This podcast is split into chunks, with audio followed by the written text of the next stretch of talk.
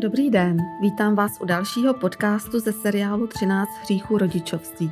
Já se jmenuji Monika Mudranincová a mým hostem je psychoterapeut Martin Zigmund.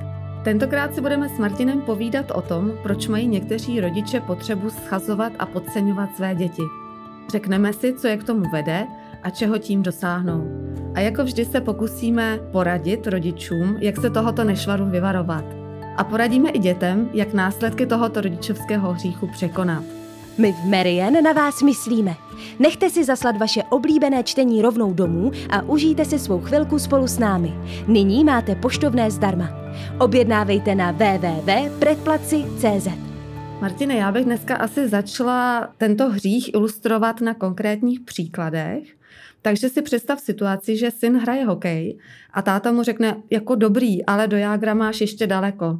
Prostě zkrátka na všem, co kluk udělá, ten otec hledá chyby.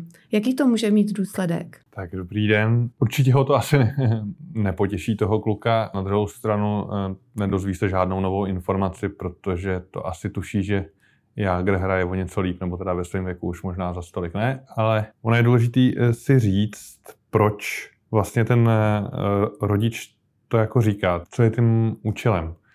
To dítě totiž, eh, čím je menší, tak tím víc eh, potřebuje od těch rodičů tu péči, podporu, ochranu, potažmo místo a, a hranice, jak v té fyzické rovině, tak v té symbolické. Pokud rodiče tyhle ty potřeby nedokážou pokrýt u toho dítěte, tak nemá ty podmínky nutné pro ten rozvoj obecně. To se pak promítá do všech oblastí života a samozřejmě i do, to, do toho, co se nově učí. Pokud se nově učí hokej, no tak eh, chybějící podpora mu asi úplně jako nepomůže eh, v tom, aby mu to šlo líp. Hmm, neříká to třeba ten otec, ale proto, aby vyburcoval toho kluka, toho syna, aby se víc snažil? Jako aby teda podával nějaký ten perfektní výsledek? Jako není to vlastně nakonec třeba dobře? Tak eh, určitě to tak může dělat, ale já když se jako zeptám čistě jako teoreticky tebe, tebe by to jako motivovalo? Ne, mě ne, teda mě ne. Ale třeba se někdo zabejčí a naopak to na něj platí. Ale ty asi takový případy teda neznáš? Ano, tak určitě, pokud už toho otce nenávidí dostatečně z těch předchozích jako způsobů podpory, tak, eh, tak se zabejčit může, ale já popravdě bohužel znám některé příběhy těch dětí sportovců, řekněme, dětí neúspěšných sportovců, kteří se třeba pak jako vyburcovali dokonce jich nějakým výkonům na úrovni, já nevím, eh, republikové reprezentace, ale nevyburcovali se úplně ke štěstí, což eh, při délce sportovní kariéry a délce života, eh, pravda, někdy to, někdy to dost koreluje a ne kvůli tomu, že by se dožívali vysokého věku, ale možná je důležitější být jako spíš šťastnější a spokojenější se sebou, což je patrně to, co tomu otci chybí, když tohle to dělá.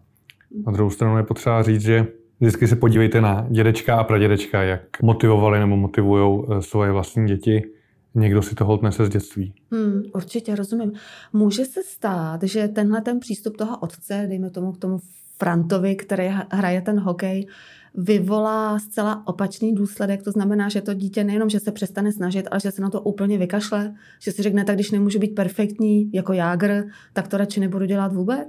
Určitě, buď eh, když se toho rodiče tolik nebojí, tak eh, buď to řekne na rovinu, že s tím končí, anebo postupným bojkotem, ať už eh, formou nějakého klesání výkonu nebo formou nějakých záhadných zranění, rýmiček, bolestí bříška, se tomu začne vyhejbat. Ale je potřeba si říct, že to dítě má teoreticky jinou výchozí pozici než ten dospělý. To dítě se někdy kolem druhého, třetího roku dospěje k názoru, že není v pořádku, zatímco všichni ostatní jsou.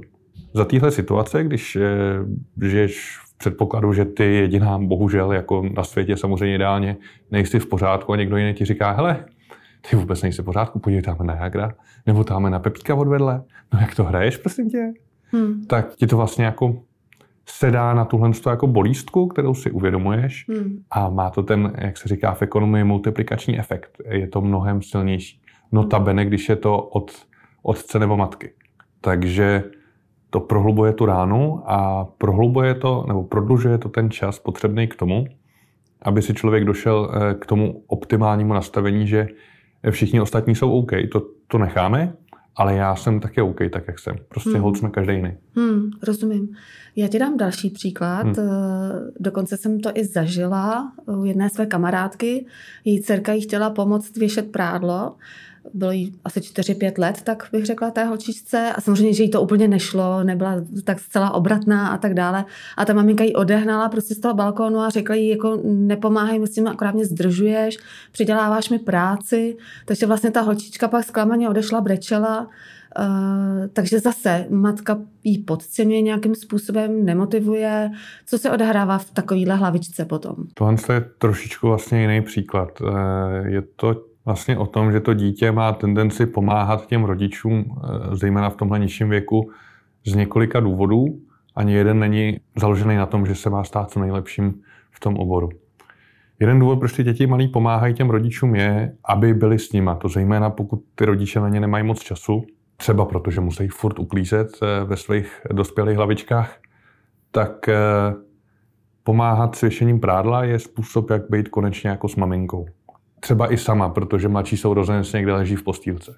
Další důvod, proč to ty děti dělají, o tom se budeme bavit třeba příště, je, když vidí, že ten rodič je přetížený a začínají přebírat tu dospělou roli. Jako já ti pomůžu, protože vidím, že ty to nezvládáš. Ano. To je bohužel jako dost nezdravý důvod, ale častý. No a konečně poslední důvod je chtít být jako maminka nebo jako tatínek.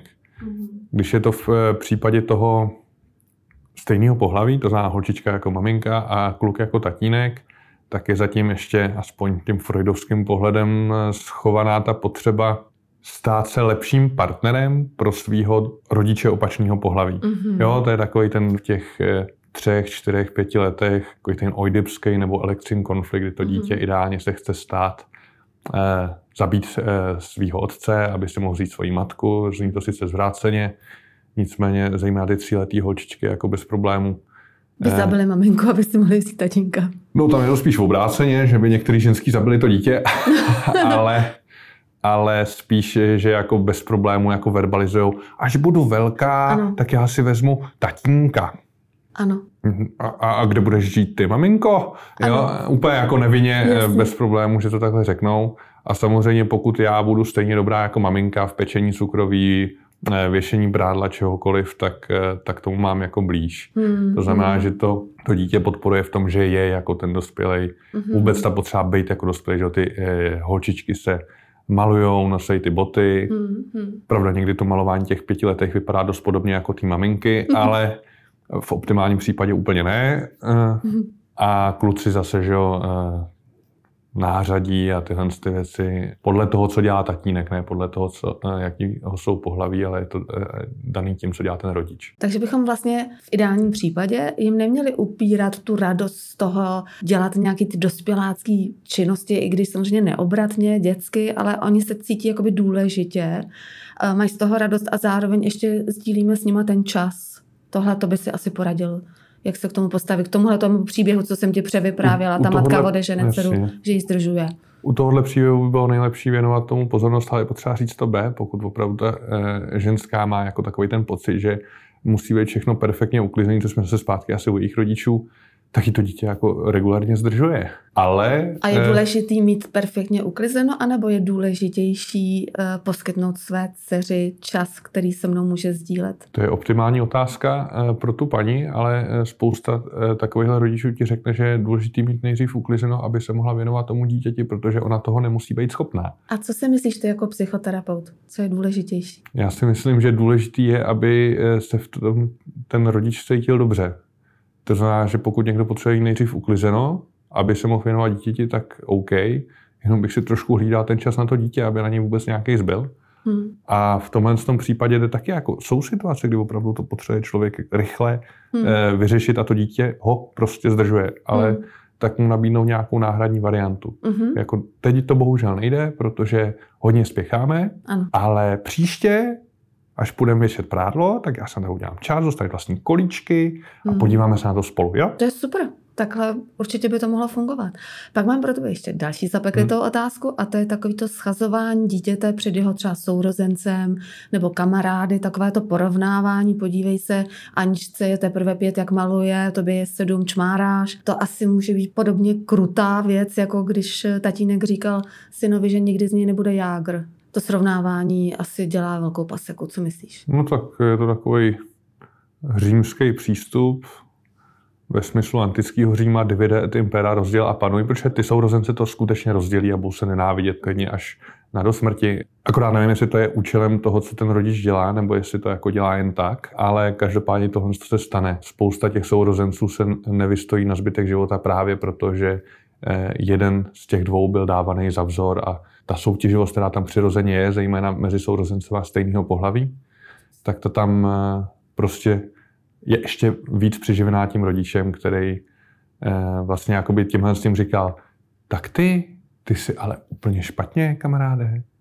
To je hrozný, jako takovýhle dítě si vůbec znáš. Jo, ale tady ten druhý, ten mladší, no, tak to je už jiná, to je prostě správný dítě, ne jako ty.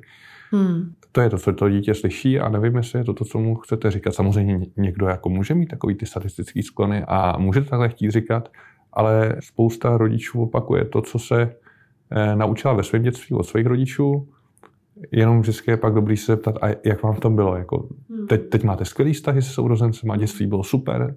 Hmm. E, někdy třeba ne.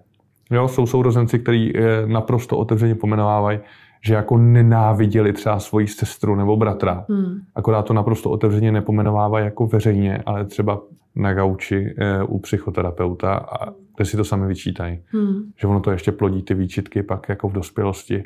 Hmm. Že e, pak se nedej že vezme někoho, kdo má skvělý vztahy se sourozencem a kouká. Aha, takže ono to jako není normální hmm. nenávidět svého bratra.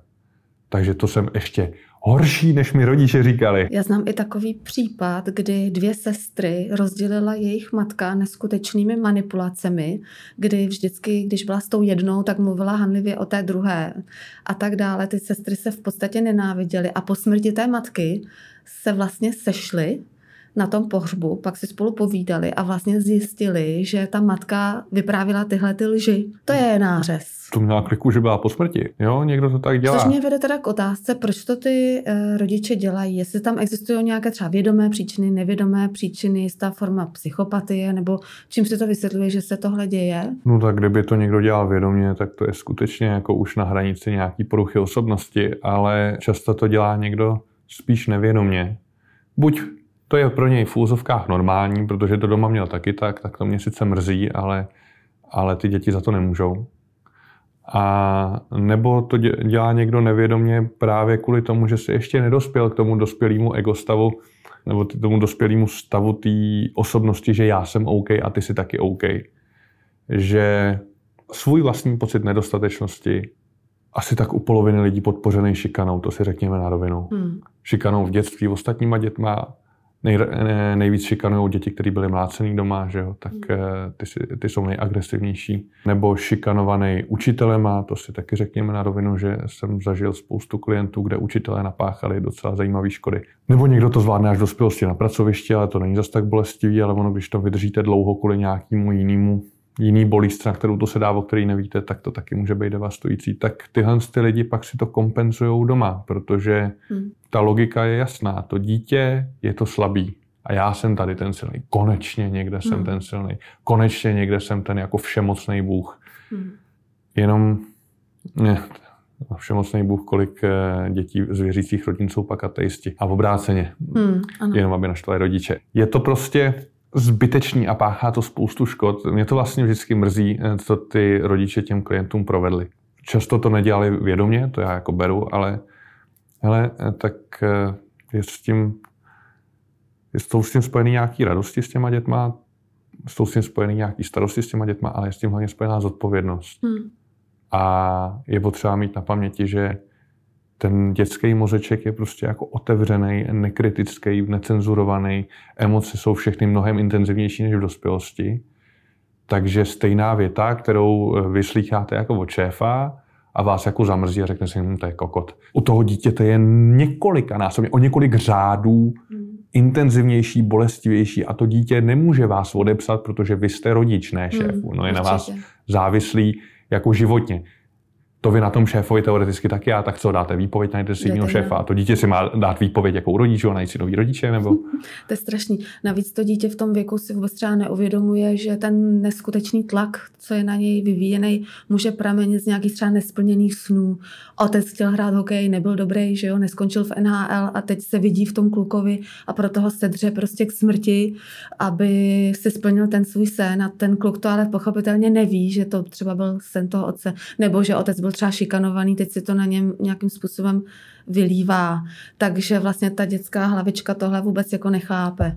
Československo je navíc ještě potřeba připomenout jeden fenomén, eh, že to ne, ne, nemohl udělat často kvůli komunistům. A ty teď můžeš, Jasně. Ano. takže musíš. I za mě. Mhm. Jo. Jo, já jsem měl špatný Jo. kádrový profil, já nevím, někdo z rodiny zdrhnul, nebo prostě jsme úplně nevítali eh, rudou armádu s flaječkama těma správnýma. A ty teďka musíš. Ty Mhm. máš možnosti, o kterých mně se ani nezdálo. To je taková typická Velmi věta, věta. která vlastně jediný, co říká, je já jsem ublížený, nedospělej a teď si to na tobě veliju. Ale je to samozřejmě výmluva toho dospělého. Tak pochopitelně žili jsme v nějakém režimu, nebylo úplně všechno možné, ale je to trošku alibi, že jo. Není to výmluva, jenom je to prostě jako irrelevantní. Tak to dítě Mm. má udělat co? Vrátit se zpátky do dělohy, nebo jako objednat si stroj času a vrátit se do 68. a jít protestovat na Václavák proti okupaci, nebo co má jako dělat s tím? Hmm, protože dítě prostě nemůže být nějaký nástroj k realizaci cíle toho rodiče, že jo. Tomu na ně nakládáme prostě strašně moc. A Bohužel to jsme- může a pak to dopadá Ano. velmi smutně. Přesně. Já si myslím, že bychom měli pořád do kolečka opakovat, že jediný, co dítě potřebuje, je bezpodmínečná láska a bezpodmínečné přijetí. Přesně. A pokud po něm chceme nějaké další věci nad rámec tady toho, uh, tak si řešíme asi nějaký svůj problém. No tak pokud po něm chceš pomoct nádobím a je mu 15, Tak tak, to si samozřejmě. myslím, že, O tom, ne, o tom nemluvím, ale mluvím o tom třeba uh, splňování si nějakých svých tužeb, snů, cílů a tak dále. Oni jsou vlastně různý vývojový stádia, kterým si to dítě potažmo každý člověk jako v životě prochází. Bohužel nejdou přeskakovat. Eh, Čím víc je splněná ta bezpodmínečná láska a bezpodmínečný přijetí, tím víc se to blíží tomu dneska už v podstatě nedosažitelnému ideálu, který byl datovaný v 60. letech minulého století ve Spojených státech, kde ty věci fungovaly jinak. Ale jsou prostě období, kdy to dítě potřebuje zkoušet nové věci, jsou ob- období, kdy to dítě si potřebuje jenom hrát, Eh, jsou období, kdy to dítě potřebuje eh, jednu jedinou věc, aby mělo za zadkem maminku nebo primární pečující osobu, aby cítilo to bezpečí. To se prostě mění. To dítě, ano, pro nás je to stejný dítě, to je bez pochyby konec konců, eh, kolik rodičů jedná s 15 letými, jako kdyby jim bylo pět, což velmi oceňují, ale ty potřeby dítěte se radikálně mění. My jsme furt stejný v úvozovkách. Eh, Za dobu dospělého života eh, máme, já nevím kolik, tři vývojové stádia.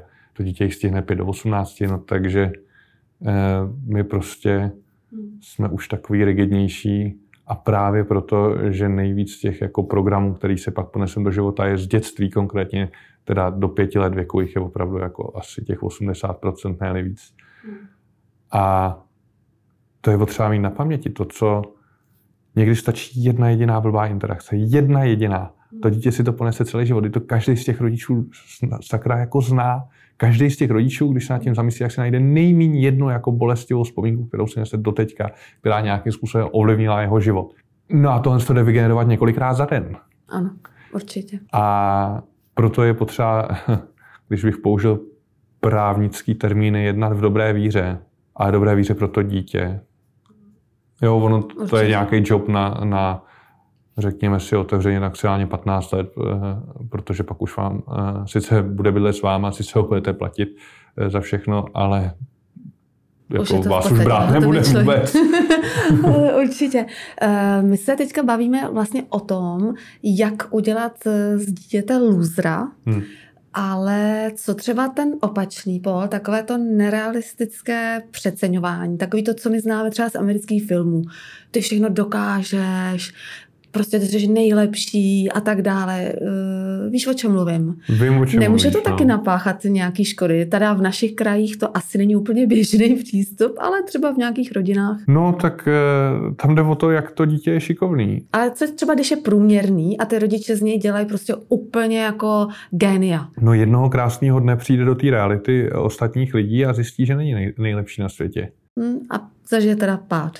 No a to dost strmej, akorát, že, eh, nebo dost strmej, dost tvrdý pád, akorát bohužel ne vůbec strmej, eh, protože eh, svoje neúspěchy bude dávat eh, za vinu těm ostatním, protože on byl vždycky jako nejlepší, že jo. Hm. To, to se strašně snadno stane u jedináčků, tohle. Tak Hmm. mají dě- rodiče jenom pro sebe, to znamená nesoutěží s dalšíma dětma a může se stát, že když si rodiče jako nenechávají prostor té, řekněme, realitě, Hm. eh, že tohle je nejlepší a oni to často i podporují, že jo. Sice si doběhnou třetí, ale ten první, to je jasný, ten trénová táme a druhý to je uplacený, nebo třeba vím, co to je takový český zvyk o tom mluvit, nebo tak ono se to popravdě i děje třeba ve sportu, co jsem tak slyšel, ale to dítě prostě musí být zvyklý překonávat ty úskalí jako života. Eh, Takový ten eh, život na růžovém obláčku, ten můžou dětem dopřát v dospělosti jenom jako opravdu extrémně bohatý lidi a stejně to nebude fungovat. Takže cílem je, aby to dítě se naučilo nějakým způsobem prohrávat a padat, ale aby se naučilo jako vstát. Hm, Popravdě to, co se eh, v dospělosti hodí nejvíc. Aby se naučilo dělat chyby, eh, vnímalo, co je chyba a vnímalo, že eh, spousta těch chyb se dá napravit. Že to jako není tragédie, že skončil svět. Jo, dobrý, neskončil, ale že jde pak dělat něco pro nápravu a že ten neúspěch k tomu patří, že prostě nebudu vždycky nejlepší. Ono při vší úctě k našemu vzdělávacímu systému, který mi nepřijde optimální, tak jestli na něm něco funguje, tak je to přesně tohle.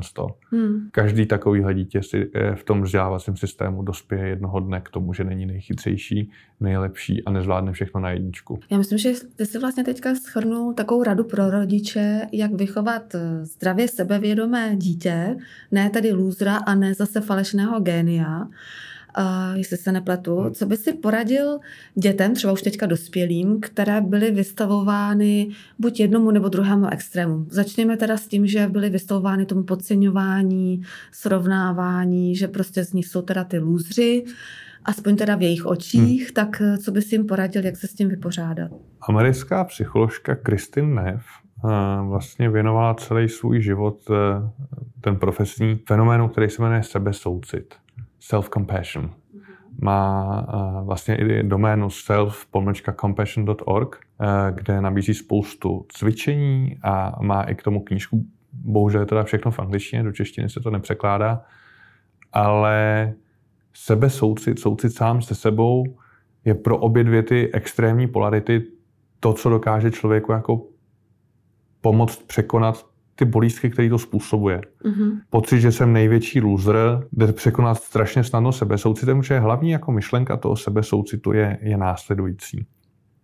Zkuste aspoň pro jednou v životě k sobě promlouvat tak, když vám není dobře, jak byste promlouvali ke svýmu nejlepšímu příteli nebo ka- kamarádovi nebo člověku, na kterém vám jako extrémně záleží, který by si procházel v tu chvíli tím samým. I ty lidi, nebo zejména ty lidi, co si připadají jako lůzři, tak a, a mají ten deficit té hodnoty, Mhm. tak eh, oni jsou neuvěřitelně podporující pro ty ostatní, tak je mimochodem často poznáte, eh, protože ostatním dávají to, co by chtěli dostat sami. Mhm. No v tom sebesoucitu tenhle ten mechanismus jde nádherně uplatnit. Ty lidi z opačného extrému, eh, který je prostě vinři, bychom jim asi měli říkat, že jo? Mhm. Eh, eh, který prostě si myslí, že jsou nejlepší na světě a ono se ukázalo, že to úplně není pravda. A teď, eh, teď mají zdrcující za ní, protože to se jim stalo poprvé v životě, Mhm. že rodiče jim eh, tam všech, vždycky zametali cestičku, tak eh, ty si procházejí jako obrovským propadem, který jako je těžko představitelný. To je jako dítě, který eh, na- nade všechno na světě chtělo prostě banánovou zmrzlinku a teď ji nedostalo. To si dovedeme představit, jak vypadá. No tak tohle je jako v dospělé verzi, jenom to zmrzlinku nedostává několik dní v kuse. Vůbec a možná už ji v životě nedostane. A i tam může zapracovat ten sebesoucit jako No jo. nějaká léčivá terapie? Je to tak, eh, on ten sebesoucit, ta Kristy ne, stejně jako polovina těch amerických psychologů tam motá do toho eh, meditace eh, původně buddhistický, konkrétně ty Hmm. pracující se soucitem, ta meta nebo maitrej, eh, upravená pro čistě ten sebesoucit. A ano, pomůže to, protože si prochází něčím hrozným, nějakým velkým traumatem, ale tohle jako trauma, stejně jako každý jiný trauma, má ten kouzelný potenciál toho posttraumatického růstu, pokud zaujmete ten, řekněme, pozitivní postoj k tomu, co se děje. Jo, nic vás nemůže v životě posunout tak moc jako trauma. Samozřejmě v Americe je to častější, tady tolik ne, ale každý druhý si diagnostikuje posttraumatickou stresovou poruchu, PTSD. Posttraumatický růst je řádově častější. Mhm, zajímavé. Jenom jde o to prostě dokopat se občas teda opravdu i tím, že člověk si to musí neustále jako připomínat a soustředit se na to k tomu, že OK, tak jsem jako dole, propadnul jsem se, něco hroznýho se stalo, to zná hroznýho ve smyslu, že nejsem nejskvělejší na světě, nebo hroznýho ve smyslu, zase jsem si potvrdil, že jsem k ničemu, Mhm. což ty děti, eh, pokud to zažívali opakovaně od toho rodiče, tak přesně to dělají. Hmm, rozumím. Vlastně jdou do věcí, kde, eh, aby si potvrdili, že, že jsou k ničemu, což je to, co znají, v tom jim je bezpečně, ne dobře, bezpečně a, a mozek chce být v bezpečí, tak v nových podnětech si to chce potvrdit, takže půjde záměrně ten člověk nevědomě do toho, kde si potvrdí, že zase k ničemu. Hmm. Ale když to jednoho dne ten pohár přeteče a on si uvědomí, že někde je něco špatně, že mu je vlastně v životě jako blbě, tak to trauma, který s tím souvisí, mu dá potenciál k tomu to velmi rychle změnit. Pokud zaujme ten postoj k tomu, že OK, tak se to stalo eh, a teď to budu dělat jinak. Hmm, chápu. Ale tohle všechno by bylo zbytečné, pokud by měl ten dotyčný rozumné rodiče, kteří by zvolili tu zlatou střední cestu, nedělali by z něj ani falešného genia nebo falešného winra, vítěze, ale ani lůzra a brali tu situaci jaksi střízlivě, zdravě ho motivovali, nepromítali si do něj své sny a dávali mu bezpodmínečnou lásku a přijetí. Souhlasíš se mnou? To je samozřejmě pravda, ale k tomuhle z tomu bych řekl jeden bon moc relativistické fyziky. Takový, takový hezký závěr. Pan docent Jelen, můj učitel relativistické fyziky na té první vysoký, si takhle jako naproti nám sednul, vzal takhle sklenici s vodou a posunul ji jako doprava. A říká, tak, co se teďka stalo? No, posunul jste sklenici trochu přesněji, po ose X. OK, a kam? Doleva. To není pravda? No samozřejmě z vašeho pohledu doprava. Aha. Pak vzal tu sklenici, vrá- vrátil ji do výchozího bodu nula, posunul ji jako dál od sebe. Říká, co se teďka stalo? No tak jste ji posunul na té další ose a, a samozřejmě tak jako blíž k nám, dál, dál, dál od vás, že jo. Výborně. E, pak vzal, vrátil se do výchozího bodu nula a posunul ji jako nahoru. Říká, co se teďka stalo? No tak teď jste jí dal nahoru, ale tak určitě byste zase namítnul, že když tady někdo bude stát jako na hlavě, tak pro něj se to posunou dolů. Ha, výborně. Pak za tu sklenici a obsah vylil. Říká, co se teďka stalo? Vylil jste sklenici. Aha, já to vidím úplně stejně. Je tady někdo na hlavě? Ne? No ale kdyby stál na hlavě, tak to bude taky vidět stejně, že? Možná tamhle zleva, jako z rohu? Ne, ale tam by to bylo taky stejně. A může strávit celý život jako hledáním úhlu nějakého, pod kterým by to mohlo vypadat jinak. Hmm. Ale bohužel jako plakat nad rozlitým mlékem Hmm. je hloupost, protože časová osa je irreverzibilní. Hmm. Ano. Ta jedna jediná nejde vrátit. Takže jasně, můžete eh, plakat nad svými rodičima, můžete, eh, můžete jim nadávat, ať už u nich doma nebo na hřbitově, to se taky děje, ale ono je trošku podstatnější, co s tím teďka budete dělat vy. Přesně tak. Takže milí rodiče, máte prostě jenom jeden pokus. A tím bychom mohli skončit. Loučí se s vámi Monika Mudranicová a Martin Zikmund.